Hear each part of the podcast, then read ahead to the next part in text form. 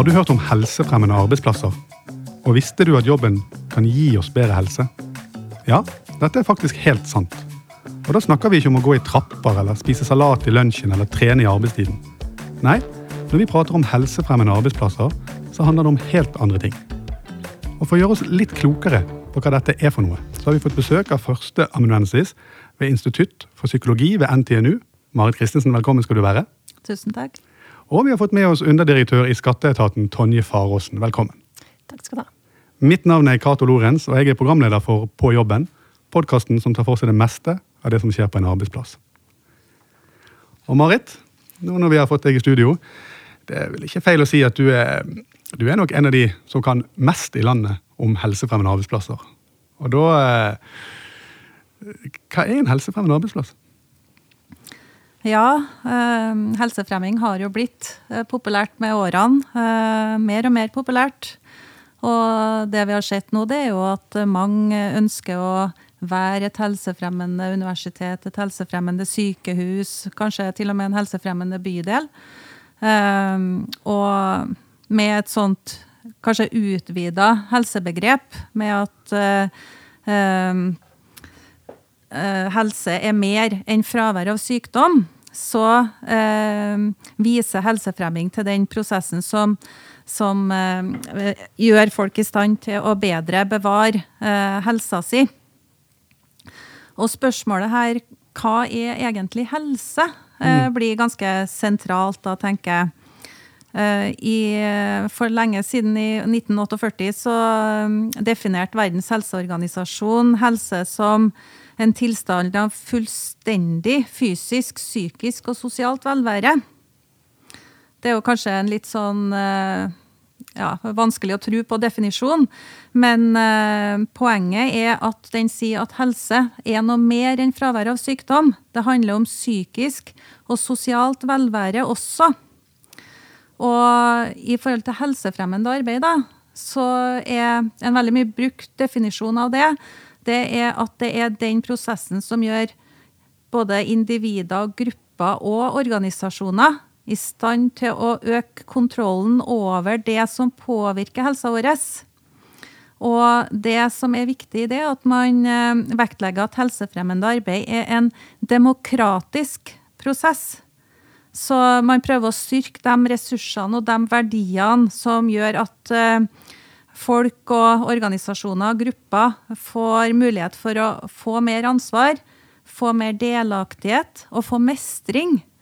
Kontroll over situasjonen. Det er viktig i en helsefremmende arbeidsplass. Ja, og ja, det siste du sier her med å få være delaktig, mer ansvar, eh, medvirke. da tenker jeg, Når vi tenker på jobben, da, så er jo det ting vi vet er bra for, eh, for en ansatt. Å, kunne være med å bestemme og, og um, eh, ja, være delaktig i det som skjer. egen, Ha kontroll på sin egen arbeidsplass. Men hvordan får man det til, da? Er det, er det, fort gjort å skape en helsefremmende arbeidsplass? Nei, det er ikke fort gjort. Jeg tenker at uh, det er viktig å anerkjenne at det er krevende. Det er krevende for en organisasjon, det er krevende for lederen og det er krevende for de ansatte å, lage en, en, helsefremmende arbeidsplass. Man er nødt til å investere både ressurser og tid for å få det til. Og man må tenke godt gjennom hvordan man vil gjøre det, og hvordan man vil skape en inkludering. Eh, eh, både fra ledelsens side, men også hvordan de ansatte har tenkt å, å bidra og være med på det. Ja. Og Tonje Faråsen, eh, jeg sa innledningsvis at du, du, jobber, du er underdirektør i Skatteetaten. Du har òg vært seksjonsleder i Skatteopplysningen og, og jobbet mye med å prøve å skape helsefremmende arbeidsplass der. Ja. Og da var du, du har vært på kurs, og du har lært, og du har prøvd å praktisere. Ja. Hvordan var det å, å, å, prøve å få det til i Skatteopplysningen den gangen? Det var veldig lærerikt. Det er der jeg kan starte. Veldig lærerikt. Vi starta jo med å gå på kurs i forhold til langtidsfrisk. For å hjelpe oss til å forstå hvordan vi skulle skape en helsefremmende arbeidsplass. Hvilke prosesser skulle vi sette i gang for å få det til? Eh, og der var det, det første vi lærte der, var liksom det å identifisere hva som var bra.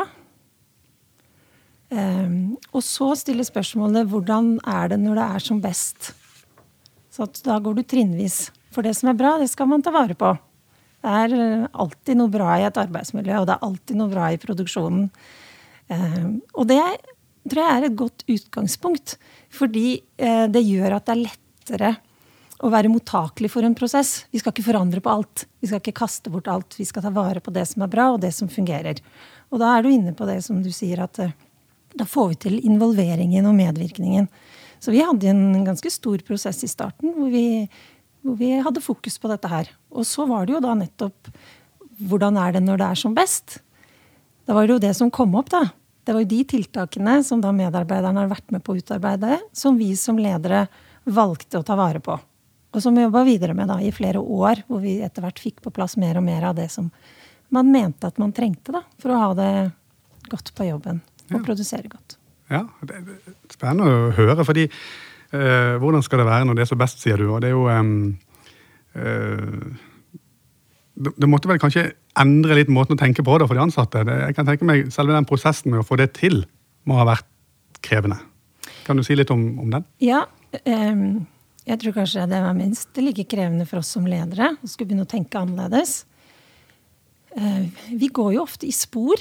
Altså, vi, altså når jeg ble leder, så så jo jeg på rollemodeller som hadde gjort slik som man hadde gjort tidligere.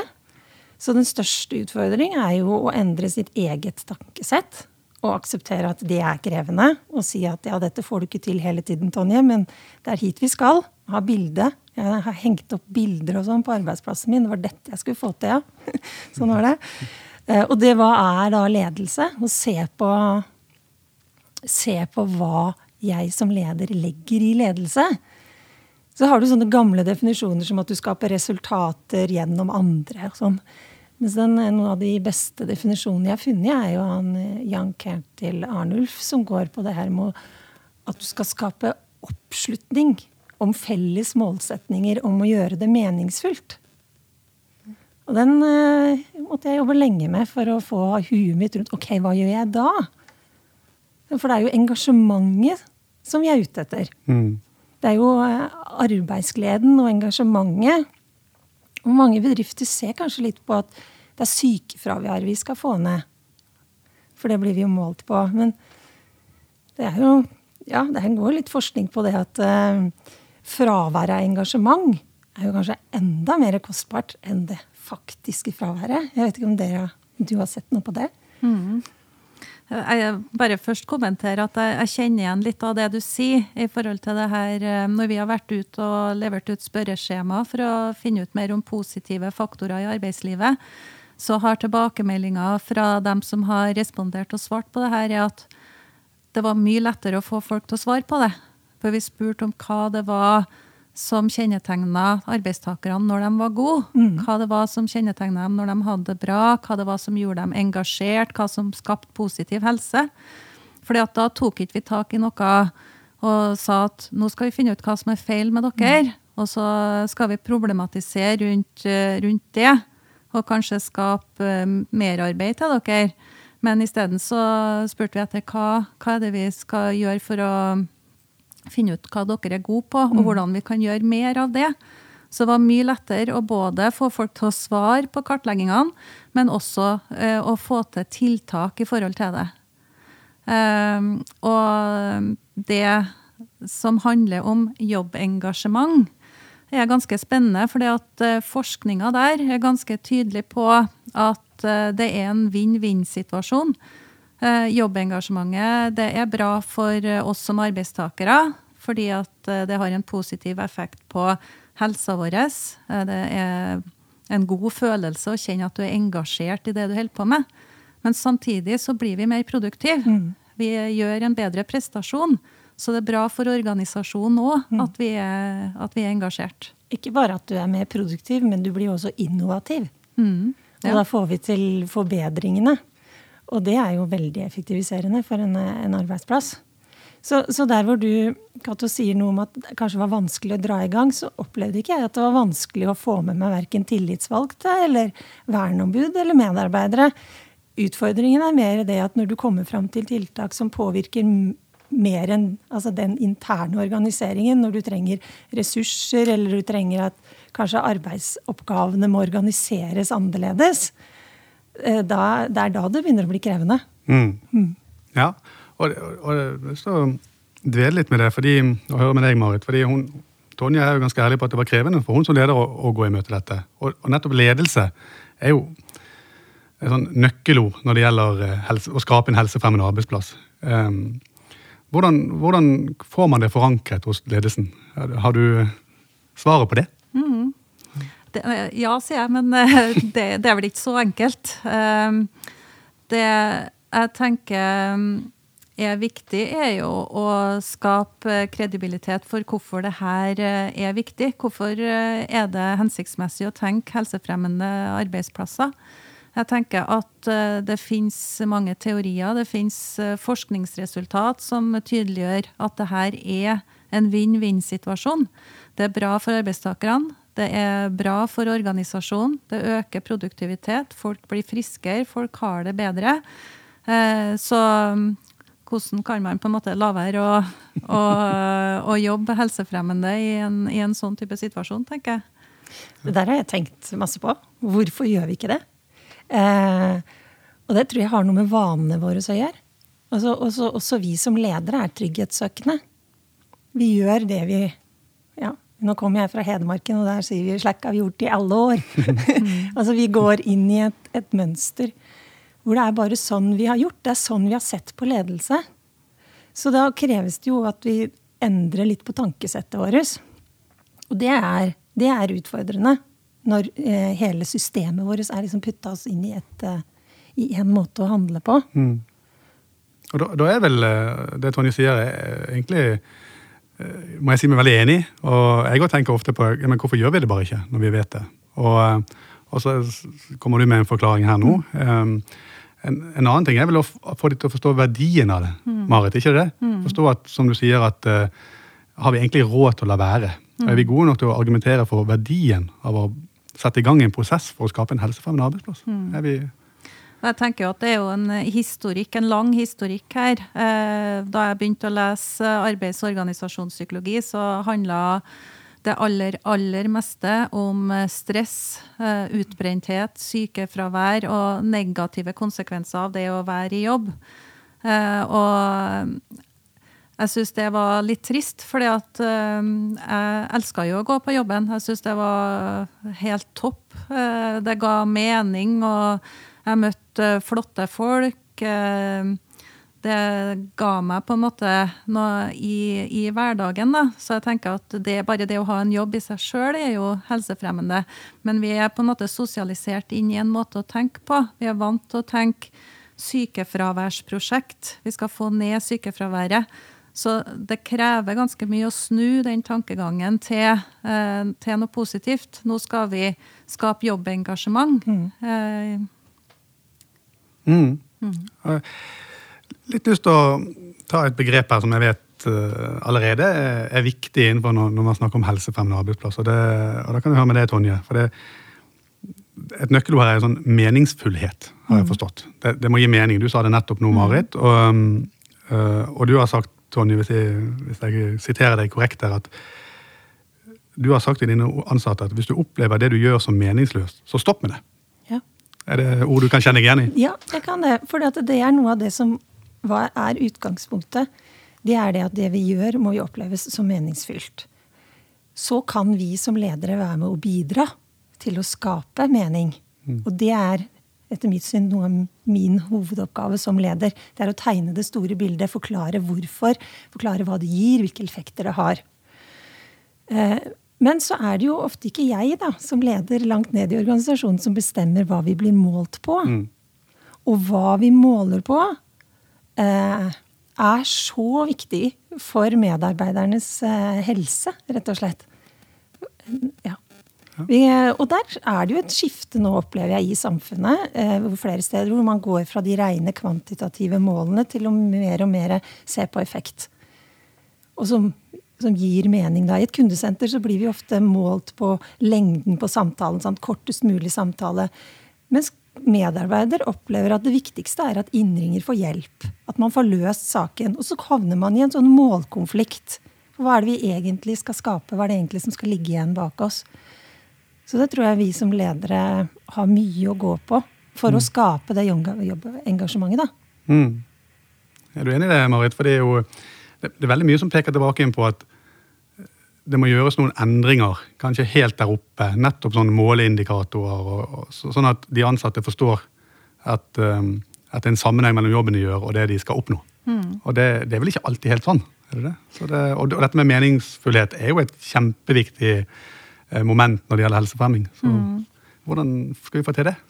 Jeg tenker at uh, den forankringa av uh, noe sånt, det bør jo skje i toppledelsen helt i starten. Ehm, det er der man på en måte må få forståelsen av at det her med jobbengasjement, helsefremmende arbeidsplasser, meningsfullhet er viktig. Og forståelsen for at det faktisk kan ha noe med organisasjonen sin produktivitet å gjøre.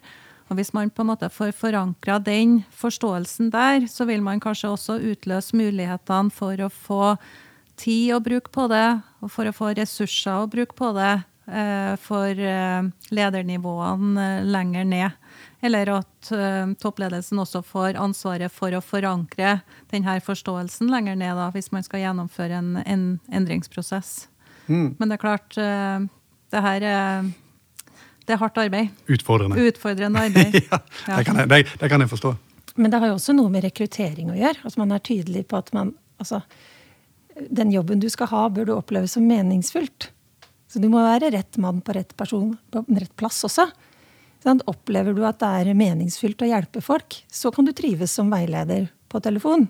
Det må ligge noe grunnleggende i deg. Så det der med at, du, at det er et samsvar, det er også viktig. Mm. Mm, absolutt. Uh, Tonje, litt interessert i å høre når, når, du praktiserte dette i Skatteopplysningen, og du prøvde å få dette til, og det begynte å sette seg, så du noen sånn endring hos de ansatte? Merket du Eh, ja, ta én ting, det, det lette tingene å måle, sånn som sykefraværet, men, men andre ting? Hva effekt ga det? Det ga jo effekt på sykefravær. Ja. Eh, og så gir det en effekt på, på samhold og en, ja, altså relasjoner. Det gjør det. Og så gir det en effekt på um, forbedring. Altså forbedringskultur. Som er kanskje den største tilleggseffekten, da, som jeg i hvert fall ikke så når vi starta, for da var det jo primært for å få ned sykefraværet vi starta. Og så ser du bare at uh, når du får engasjementet, så får du også opp ideene. Og så etter hvert så får du troen på at ideene blir satt ut i livet. Det var jo ting som vi begynte å jobbe med, som vi brukte fem-seks år på faktisk på å få implementert. For å få lov til å teste det ut. da. Ja. Så, og, og, da går det liksom en ball hvor man skjønner at jo da, vi kan få til ting. Og da kommer det ei tru som mm. som er, bra, da. Men du må ha de der suksessfaktorene. Du må som leder komme mm. tilbake og si at jo, men se her, det her fikk vi til. Mm. Nå fikk vi det endra. Ja. Mm. Og, det, og det, du sa det litt der inne, liksom, at du kan ikke begynne litt i det små, og så oppnå disse små seirene. Mm. Eh, for å se at dette faktisk fungerer. At det kan være veien å gå for å overbevise om at man skal gå litt større til verks på det. Mm. Ikke det også sånn? Ja, jeg tenker også Når man holder på med eh, organisasjonsutvikling og jobber med psykososialt arbeidsmiljø og sånne type ting, så, eh, så kartlegger man, og så gjør man noen tiltak, og så lar man det på en måte bare gå. Eh, man er ikke så veldig god til å evaluere om det har hatt noe effekt eller ikke. Og jeg tenker at eh, hvis man ser om tiltakene har, har hatt en effekt, og får kommunisert det både til toppledelsen og til sine ansatte, så gjør jo det at man får mer lyst til å jobbe på denne måten mm. videre òg. Mm. Så um, jeg tenker at uh, det å synliggjøre, bevisstgjøre hva det her arbeidet faktisk gjør, sånn at det ikke virker så selvsagt, så enkelt. Mm. De små, små tingene får ballen til å rulle, og folk får trua på at det virker. Ja. En annen ting som har gått litt igjen her nå når vi har snakket, og det, jeg tenkte vi skulle prate om det, men dere har nevnt det litt, og jeg ønsker å gå litt dypere inn på det. og Det er dette som, som man snakker om. Man snakker om engasjement, og man snakker om jobbengasjement. Og for de som lytter på, kanskje hva, hva, snakker vi om da? Hva er, hva er jobbengasjement? Ja. Eh, det er jo et veldig sånn uh, populært begrep, har blitt uh, i de siste årene. Både innenfor forskning og innenfor praksisfeltet. Og hva er det for noe? Hva er definisjonen på det?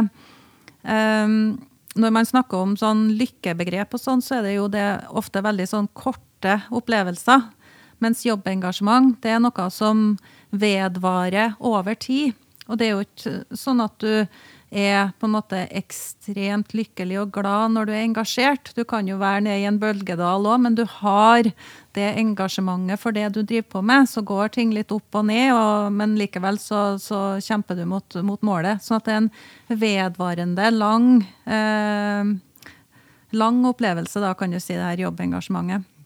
Og så eh, er det positivt. Det handler både om hvordan vi føler men òg eh, hvordan vi tenker rundt ting. Eh, det som kanskje gjør det litt enklere å forstå, det er at det er definert på, uh, med tre dimensjoner. Det ene er jo på en måte den vitaliteten, den energien du har når du i møte med utfordringer klarer å stå på og ikke gir deg. Den energien. Og så har du på en måte det som går på um, den dedikasjonen til det du holder på med. At du tror på det du holder på med. At du er stolt over eh, jobben du gjør. At du tenker at det her eh, det betyr en forskjell. Og så er det tredje er eh, den fordypelsen i arbeidet. At du blir så oppslukt, og tida på en måte flyr uten at du helt registrerer at det skjer, men du er så inn i oppgaven du holder på med. Ja. Så det er på en måte en uh, definisjon av hva eh, som ligger i jobbengasjementsbegrepet. Mm. Og dette er mulig å få til på arbeidsplassen, med, med jobbet på den rette måten. For det høres jo ut som en, en drøm å få medarbeiderne i, flyt. Og det var vel kanskje det dere opplevde Tonje, når, når dere satte i gang, at, at, de fløt bedre? Ja, det er det. Flow. Og det er jo blant annet det her med mestring, da. Mm. Og mestring inneholder jo både Mestring er jo ikke at alt er enkelt. Eh, men det er jo en, en, en, opplevelse av at du har en viss kontroll, at, er, at, du at ting er begripelig, at det er håndterbart. Det er liksom innafor hva du tror du har ressurser til å løse. Da. Så, så mestring er jo mye knytta til kompetanse og det å, å kollegastøtte. Det å hjelpe hverandre, det å lære seg ting. Det å, at vi som ledere tilrettelegge for spennet. da, mellom, altså Ofte så setter vi i gang et kompetansetiltak, to timers kompetansetiltak, og så sier vi check, nå kan de det. Men noen lærer jo ikke på den måten. Og noen bruker mye lengre tid på å lære. Og det å ha en åpenhet rundt hvordan jeg lærer som best, hva jeg trenger for å lære, hva trenger jeg for å mestre. Dette var helt nye ord og begreper som vi begynte å snakke om. For det, det hadde vi ikke helt klart for oss hva egentlig betydde. Mm. Vi har jo en um, teoretisk modell som vi ofte bruker i forhold til det her med jobbengasjement. Um, jobb, krav, ressursmodellen. Den uh, snakker om en helsereduserende prosess og en um, motivasjonsprosess. Og den motivasjonsprosessen da, den handler om uh, at uh, engasjement, jobbengasjement det igangsettes av de her ressursene som ligger på arbeidsplassen. Eh, det kan jo være altså, autonomi, det kan være sosial støtte, det å få anerkjennelse for jobben man gjør. At man føler at man blir behandla rettferdig. Um, god ledelse um, som gir jobbengasjement. Og som igjen er knytta til denne trua på egen mestringsevne. For de her ressursene som gir jobbengasjementet, er med å bygge opp denne trua på, på mestringsevne. Og så er du på en måte da en del av en, en positiv oppadgående spiral, fordi at ressursene er med å bygge opp denne trua på mestringsevnen eh, vår, mm. som igjen gir mer engasjement, som gir bedre produktivitet, som igjen utløser kanskje flere ressurser, og så har du på en måte den spiralen gående. da. Og det her har vi ganske mye forskning på etter hvert som eh, på støtte, da. Mm. Mm. Og Da kommer det opp i det med endringsledelse. At dette er jo den mest genuine måten og effektive måten å drive endringsledelse på. Fordi da har du medarbeidere som har tro på at oi, det kom en ny oppgave. Da ser vi på det som positivt. Vi klarte, vi klarte den forrige, vi klarer den neste. Um, og den effekten, den er ubetalelig, altså. Mm. Men, men det må begynne et sted, og, og for dere, Tonje, så, så begynte det med Jeg, syns du sa det på en god måte i et intervju jeg leste. Vi, stilte ikke de rette spørsmålene. Vi glemte den fremmede tilnærmingen, yeah. leste jeg. Eh, og, og da begynner det der. ikke sant? Det begynner med at noen må stille de rette spørsmålene. Og Hvordan gjorde du det? Ja, vi hadde jo Vi starta jo med en personalsamling hvor vi stilte de spørsmålene. Hva er bra? Hva er bra? Hva er det vi får til? Hva er vi flinke på? Hva får vi til? Og så var neste spørsmålet hvordan skulle det vært hvis det var som best? Og det er jo eh, en veldig håndterlige spørsmål og veldig geniale, men det var ikke det vi hadde stilt tidligere. Vi hadde lett etter eh, årsakene til at alt gikk gærent. Mm. Og da graver du deg ned, og, og det blir ikke noe morsomt å jobbe med. Mm. Hvordan øh, tenkte de ansatte rundt å få de spørsmålene? Det var vel Ja, kanskje litt nytt for dem? Ja, det, det var bare positivt. Det er som jeg sa her, at det, jo, det, det ga engasjement. Dette ville de svare på, dette var de med på. Og så lagde vi handlingsplaner og bestemte oss for hvilke tiltak vi skulle gjøre på kort sikt. Hadde det inn i planer og fulgte det opp, og disse planene ble fulgt opp i, ja, i alle år etterpå. Så vi lagde nye planer. Hva er det viktig at vi har fokus på nå? For det var jo ting som falt på plass, og så var det andre ting vi måtte ta tak i underveis. Ja, for, for, ja og det, et av spørsmålene jeg eh, så du stille, var Dere gikk fra å spørre om du har hatt en utviklingssamtale, til å spørre om du hadde nytte yeah. av utviklingssamtalen. utviklingssamtale. Det er sånn, det er et sånn fascinerende godt spørsmål. Mm -hmm. Det Da går du fra den der check- eh, sant? Har du fått kompetanse? Ja, vi har fått kompetanse. Har du lært? Kan du nå arbeidsoppgaven? Det er to vidt forskjellige spørsmål. Eh, og vi er liksom blitt målt på at vi skal ha medarbeidersamtale. Men har den gitt noe nytte? Har vi blitt bedre kjent? Har vi nå fått avklart eh, mestringsutfordringer eller kompetanseutfordringer? Eller um, er du fornøyd med de arbeidsoppgavene du har? Er det for mye? Er det for lite? Skal du ha mer utfordring? Skal du ha mindre utfordringer? Og det er jo med på å påvirke arbeidshverdagen. Det er det medarbeiderne trenger å vite i det daglige. Nettopp for å være i denne flyten og denne mestringen. mestringen. Og så har du det relasjonelle, nettopp det at man får snakka sammen om, om livet, da. For det, livet er ikke noe for pyser. Det, det er ganske plutselig og uforutsigbar. Og av og til så har du mye, mye utfordringer, og av og til så er det livet lettere. Og ved at eh, det er en god relasjon mellom leder og medarbeider, så vet man jo disse tingene, og så får man tatt disse her justeringene og hensynene som skal til for at man fortsatt kan være i jobb. Ja. Og det, det slår meg også at det, det er nesten litt sånn i gåsetegn farlige spørsmål å stille òg, for det, det forplikter jo litt. Eh, Ja, for du får andre svar. Ikke sant? Og, og den forpliktelsen den kan jo føre til endring, men det krever, da er vi tilbake til at det krever litt av lederen. Men for å stille sånne spørsmål som, som Tonje da sier, at nå, nå, vi stilte de feile andre spørsmål, vi måtte øh, stille det på en annen måte. Og da krever det noe av en leder sin, sin evner, ikke det? Eller egenskaper. Og, og det kan du noe Marit. Hva, hva er det som krever av en leder for å få til dette? Ja, altså I Norge så er vi så heldige, tenker jeg, at vi har arbeidsmiljøloven. da. Arbeidsmiljøloven sier jo at uh, man skal skape en helsefremmende og meningsfull arbeidssituasjon. Sånn at uh, det ligger jo en forpliktelse uh, for lederen der allerede, i og med at man er pålagt å gjøre det. Men så er jo spørsmålet hva, hva er det, da? Hvordan skal man få til det? Det må jo på en måte lederen finne ut av sjøl og tilpasse til sin eh, arbeidsstokk, til sin organisasjon.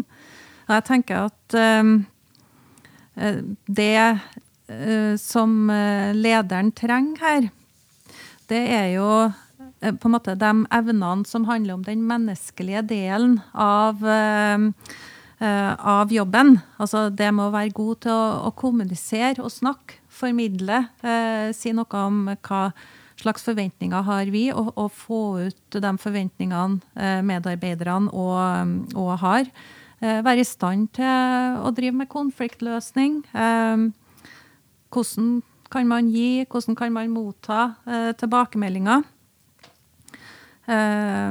Kanskje ha hjelpemidler, en, en klar policy for hvordan man skal gjøre det her. Jeg tenker at en leder har det veldig travelt. Det er mye man skal gjøre. Man har kanskje økonomiansvar, man skal jobbe med strategier. Eh, og det å skal bruke tid, tid til denne eh, lederrollen når det gjelder personalledelse, eh, at det understrekes, tenker jeg er viktig. Så insentiver til å fokusere på den menneskelige delen av jobben, jobben altså å være en del av et system som belønner de her mellommenneskelige evnene. Altså kanskje mer en sånn offentlig anerkjennelse av det å være en, en støttende leder. Men jeg tenker at uh, kommunikasjon, gode kommunikative evner, er veldig viktig her. Mm. For det er jo noe med å få med medarbeiderne, det med å uh, inkludere. Få, få med medvirkning. Men det er noe med den forpliktelsen, da. Altså mm. når du spør, så må du forholde til deg til de svarene du får. Mm. For du får bare én sjanse. Du kan ikke først spørre om hva er det dere trenger, og så si og ikke forholde deg til de svarene. så, så Da gjør det kanskje vondt verre. Ja, det, det, anbefales ikke. Så da må man jo gå inn med hud og hår, da. Da mm. må du forholde deg til de svarene som du får. Og så er det ikke sikkert du klarer å levere, men da må du forklare hvorfor vi ikke fikk det til. Du må ta det på alvor. Mm. Det tror jeg er noe av den viktigste eh, egenskapen til en leder. Er jo nettopp det å ta de tilbakemeldingene man får, på alvor, og jobbe med de tingene som medarbeiderne mener er viktig, både for arbeidsmiljøet, mm. produktiviteten og ikke minst forbedringen. Mm. Vi har jo jobba mye med kartlegging av arbeidsmiljøet på arbeidsplasser. Øh, og øh, hvorfor kartlegger man? Jo, fordi at man tenker at det skal bidra til en forståelse av hvordan man har det, og at man skal utvikle tiltak i etterkant for å forbedre det. Men eh, i veldig mange tilfeller, sånn som vi ser det, så, så stopper det etter kartlegginga. Uh, og da har man jo egentlig gjort den forpliktelsen med at vi kartlegger arbeidsmiljøet for at vi skal prøve å finne ut hva vi kan gjøre for at dere skal få det bedre. Og så når man har gjort den kartlegginga, så har man gjort jobben sin. Da har vi kartlagt og så gjør man ikke noe mer. Og da mister folk trua, som du sier, mm. på at uh, det her kommer det noe ut av. Man vil ikke svare på noe mer kartlegginger videre, fordi at man vet at det uansett ikke skjer noe osv. Så, videre. så man har på en måte forspilt sjansen sin. Så vi ser tydelig den der misforståelsen av at kartlegginga er tiltaket, men kartlegginga er på en måte bare starten på det. Mm. Ja, og det jeg syns dette er kjempeviktig, fordi nettopp den forpliktelsen um, det medfører å stille de rette spørsmålene. Det, det kan kanskje koste litt òg uh, eh, for å få det til, men man får igjen noe på andre, på andre siden. da. Gjerne friske medarbeidere, men ikke bare friske medarbeidere, som du snakker om, Marit, men mer produktive medarbeidere, som til syvende og sist viser seg i plusstall på bedriften, forhåpentligvis. Det er jo det det. For veldig mange handler det om money talks, og, og mm. hvorfor skal vi gjøre dette. Uh, og da, Tonje, tenkte jeg kan du ta oss litt mer med i forhold til hva konkret dere oppnådde? Du, du sa at sykefraværet gikk ned når dere gjorde dette i Skatteopplysningen. Snakker vi store, store endringer? Ja, eh, sånn i gjennomsnitt så var det vel sånn 5-6 lavere eh, fravær. Såpass. Um, andre resultater som jeg kanskje er enda mer stolt av, det er jo tilbakemeldingene fra innringerne. Ja. For det måler jo vi. Ja. Og i hvilken grad de var fornøyd med, med For det, de, kan, de, får sånn SMS, og så spør de om hvordan de opplevde samtalen. Og den har jo økt gjennom hele perioden. Og det, er, det jeg, det er kult. det er veldig, For det sier noe om, om, den effekten som dette har. Nettopp gjennom jobbengasjementet. Hva skjer når, når vi mestrer, og når vi kan jobben vår, og vi får det til, og vi har det bra, og vi har et kollegium som, som støtter hverandre og hjelper hverandre. Mm. Mm. Det her syns jeg er veldig spennende i, i sett i lys av forskningsdelen av det. skal jeg si, fordi at uh, Ofte så spør jo vi uh, om sammenhengen mellom uh, mer subjektive ting. altså Du har engasjement, hvordan opplever du din egen prestasjon? Men her snakker vi jo om objektive produktivitetsmål. sant? vi har jo òg gjort en undersøkelse på Eh, det her med jobbengasjement og eh, hvordan folk opplever eh, Antall publikasjoner blant universitetsansatte. Og da ser vi at de som er engasjert, de publiserer mer. Mm. Og litt i forhold til det du sa, så er det også en studie fra Spania eh, på hotell- og restaurantansatte, hvor man hadde tiltak på jobbengasjement for å øke jobbengasjementet. Der man så at eh, kundene var mer eh, positive i forhold til den servicen de fikk. Og så så vi at de i større grad kom tilbake igjen. Mm. Så de eh, studiene eh, der eh, har ganske sånn eh, styrke i resultatene. Da tenker jeg på at jobbengasjement faktisk har, har noe for seg når det gjelder produktiviteten. Det er veldig spennende det du forteller der. Ja, og, og veldig viktig for de som lytter på, å se at de får noe igjen på det. Og det er jo eh, ofte er insentivet til at man setter i gang noe. Men, men, eh, men igjen, som, som, du har sagt, Tonje, det, det tar tid. Ja, og, og, det, og, det, og, det, koster litt, ja. og, du kan ikke gjøre det i en, i en fei. Nei, så vil du gjerne ha resultatene, da. Ja. Alle vil ha resultatene, men så er det litt vanskeligere å gjøre jobben som skal imellom, og ikke minst eh, forplikte seg på, da. Det med både gi mer autonomi og, og ja, og hvordan man styrer og måler organisasjonen og sånn. Man, man, må tørre å prøve, da. Og så har det i hvert fall vist hos oss at det har gitt uh, veldig gode resultater. Ja. Man må tørre å prøve, sier Tonje Faråsen. Og det får bli de siste ordene i denne episoden av På jobben.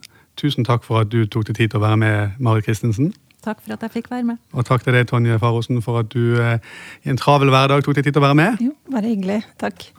Mitt navn er Cato Lorentz, og jeg er programleder for På jobben. Og med meg har jeg hatt Eirik Stordrange som produsent. På jobben er tilbake igjen om eh, noen uker. Vi høres.